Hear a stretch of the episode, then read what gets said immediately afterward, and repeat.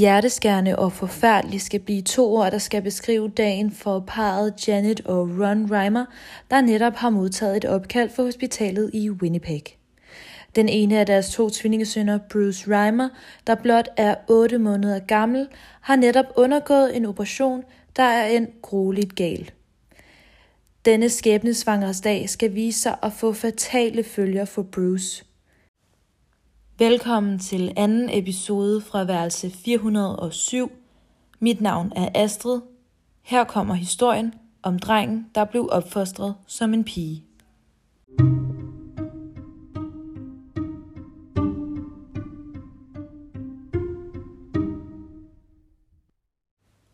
Året er 1965. Det er den 22. august.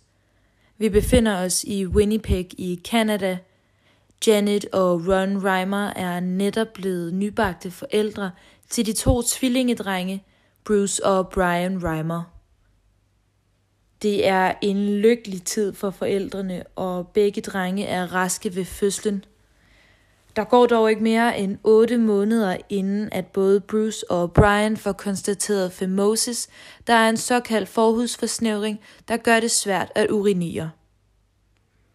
Lægerne anbefaler, at tvillingerne får foretaget en operation, hvilket Janet og Ron indvilliger til, eftersom at de bliver forsikret om, at det er en relativt ufarlig procedure og også en regelmæssig procedure. Hvad Janet og Ron dog ikke bliver informeret om, er, at man i stedet for at benytte sig af en kniv, vælger at bruge en mere kontroversiel metode, der involverer et såkaldt cauterizing iron. Der går ikke længe fra Janet og Ron har afleveret de to tvillingedrenge på hospitalet, til de modtager et opkald. Man har ved et uheld brug for høj varme og har derfor forbrændt huden, som har resulteret i, at man simpelthen er kommet til at skære Bruces penis af. Man valgte øjeblikkeligt at stoppe operationen på Bruce og lå Brians penis være, hvilket skulle vise sig at være et held, da hans femosis gik over af sig selv. Længe efter fejloperationen af Bruces penis var Janet og Ron i stor sorg, og Janet husker, hvordan hun i flere måneder græd. Det var på omtrent samme tidspunkt, at forsker og professor Dr. John Money fra John Hopkins Gender Identity Clinic kom ind i billedet. Klinikkens primære forskning lå i kønsidentitet, og de havde tidligere forsket i folk, der var født intet køn. Dr. John Money havde dog et ønske om at studere mennesker, hvis biologiske køn allerede var færdigudviklet, for at undersøge, hvorvidt køn er genetisk eller socialt bestemt. Dr. John Money begyndte derfor at optræde i tv, og det så blandt andet Ron og Janet Reimer hjemme på skærmen. Der gik ikke længe før Janet og Ron kontaktede Dr. John Money i håb om at kunne hjælpe hinanden gensidigt. De ønskede at give Bruce en ny chance i livet, og her skulle Dr. John Money blive deres redning. The doctors at John Hopkins were very hopeful that if we had made a move towards making our Bruce into a girl, she could be successfully raised as a girl and she would enjoy a more normal life than if she remained a boy. Bruce bliver kastreret og omdøbt Brenda. Relativt tidligt oplever Janet, hvordan Brenda nægter at tage kjoler på, hader at lege med dukker, og egentlig hellere vil være sammen med drengene. Hvad familien troede skulle blive starten på et nyt liv, viser sig at skulle blive det sande helvede. Brenda starter i en tidlig alder på supplerende kønshormoner, men føler sig svært anderledes op igennem sin opvækst i modsætning til alle andre på hendes egen alder. Hun passer ikke ind nogen steder, og hverken pigerne eller drengene vil være sammen med hende, og hun bliver socialt udstødt i skolen. Janet udtaler sig om, hvordan hun husker, at Brenda blev tiltalt som cavewoman af hendes klassekammerater på grund af hendes meget feminine udseende og ekstrem maskuline adfærd. Også hendes bror Brian mindes om, hvordan hans tvillingesøster blev set skævt til af alle de andre. She was not allowed in the girls' bathroom because the other girls uh, pulled knives out when they were going to stab her. She couldn't go in the boys' room for obvious reasons. So she had to go outside and, and go to the bathroom in between the schools and the parking lot. Det var altså ingen nem opvækst for Brenda, som Janet og Ron så inderligt havde ønsket at give hende. Det gjorde det heller ikke nemmere for Brenda, når hun årligt drog mod John Hopkins Clinic med sin tvillingebror Brian for at besøge Dr. John Money. Tvillingerne var for Dr. John Money den perfekte case til hans eksperiment, der blev bedre kendt som John Joan-kassen i medicinverdenen. Eftersom Brenda og Brian delte den samme genetiske arv, gjorde det det nemt for Dr. Money at påvise sin teori om, hvordan at omsorg overvinder natur. Brenda har flere beretninger om, hvordan hende og hendes bror blev udsat for forskellige forsøg på klinikken, der ofte var grænseoverskridende og upassende. Blandt andet skulle de to indgå i et såkaldt sexual rehearsal play.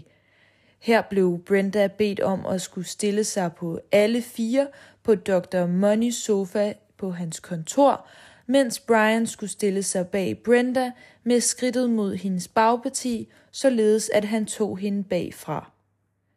Sexual rehearsal play var en teori, som Dr. John Money selv havde fremstillet, der skulle vække børns seksuelle interesser. Brenda og Brian blev blandt andet også udsatte for eksplicite billeder af nøgne mennesker.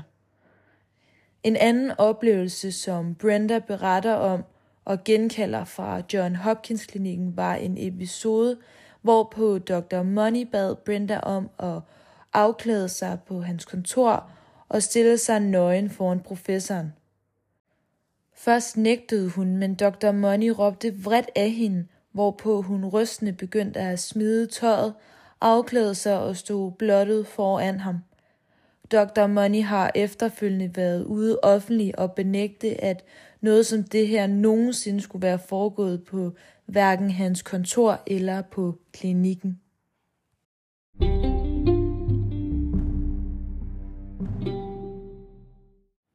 Brenda nåede dog sit breaking point, da lægerne fra klinikken mente, at hun som 13-årig nu var klar til at få foretaget et kirurgisk indgreb, der virkelig skulle seal the deal ved at give hende en kunstig vagina. She rebelled. She ran. She ran on top of the roof of the building. She said if she had to go to see the doctor again, she would commit suicide. And that was the last trip. I 1980, ikke mere end et år efter sin udmelding om at stoppe sin besøg på klinikken, får Brenda og Brian sandheden at vide. Tvillingerne er ikke mere end 14 år på daværende tidspunkt, men hverken Ron eller Janet nænder at fortsætte denne løgn, der har drevet deres datter ud i mislykket selvmordsforsøg. Dr. John Money har få år forinden meldt sin begejstring for eksperimentets succes ud, til trods for de mange kontroverser, der har fulgt med sagen undervejs. På trods af, at Brenda er stoppet med at komme på klinikken, har hun fortsat tider hos sin psykiater i Winnipeg. Efter en af mange sessions henter Ron Brenda, men i stedet for at køre hjem, vælger Ron at tage sin datter med ud at få en is, hvor han fortæller hende hele sandheden. Brenda begyndte straks sin transition tilbage til sit biologiske køn og foretog navneændring til David. Takket være en så stor fremgang inden for phalloplasty, var det nogle år efter muligt for David at få rekonstrueret en penis. David undergik også en operation, der skulle fjerne de fremprovokerede bryster, som hans krop havde udviklet hen over årene. Til trods for Davids mange forsøg på at generobre sin identitet som mand, forblev han dybt deprimeret og forsøgte to gange i hans tidlige 20'er at begå selvmord. Efter nogle år fandt Reimer dog kærligheden og blev gift med hans daværende kæreste Jane og fungerede samtidig som en bonusfar for hendes tre børn. Senere hen indgik David et samarbejde med seksolog Milton Diamond i et forsøg på at nedbryde Dr. Moneys teori om, at kønsidentitet er indlært og ikke medfødt. Omkring år 1997 begyndte Reimer at tale offentligt om hans opvækst, samme tidspunkt som Diamonds studie blev offentliggjort, og hans studie var blandt andet med til at afskaffe kønsskifteoperationer på intersexbørn. Han indgik derudover også et samarbejde med John Colapinto om bogen As Nature Made Him, The Boy Who Was Raised as a Girl, der udkom den 13. januar i år 2000. Samme år indgik han i et interview med Oprah Winfrey, hvor han kritiserede forsøget stærkt og kom med følgende udtalelser. You're always going to see people that are going to say, well, the Dave Reimer case could have been successful. Um, I'm living proof. And if you're not going to take my word as gospel, because I have lived through it, who else are you going to listen to? Who else is there? I've lived through it. Uh, like, I, is it going to take somebody to wind up killing themselves, shooting themselves in the head for people to listen? To år efter Davids optræden på Oprah Winfrey-showet, dør hans bror Brian Reimer den 2. juli i 2002 grundet en overdosis af piller, som han har haft taget imod sit skizofreni. David følte sig i lang tid efter ansvarlig for Brians død og besøgte dagligt hans grav. To år senere dør David selv, da han den 4. maj i 2004 begår selvmord. Han blev ikke mere end 38 år gammel. Dr. John Money, der endnu lever i sit bedste velgående, har efterfølgende nægtet at anerkende, at han tog del i Davids død, fordi han var for stolt af sit forsøg og er senere blevet kritiseret for at være uetisk. Til trods for, at forsøget har endt i at koste både Brian og Davids liv, har det samtidig bidraget til en bedre forståelse af kønsidentitet og har været et levende bevis på, hvordan sager som disse kan ende grueligt galt.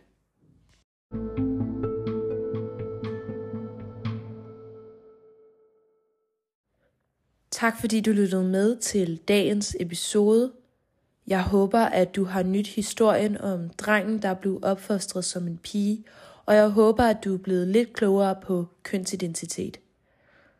Pas på jer selv, til vi ses igen. Tak for nu.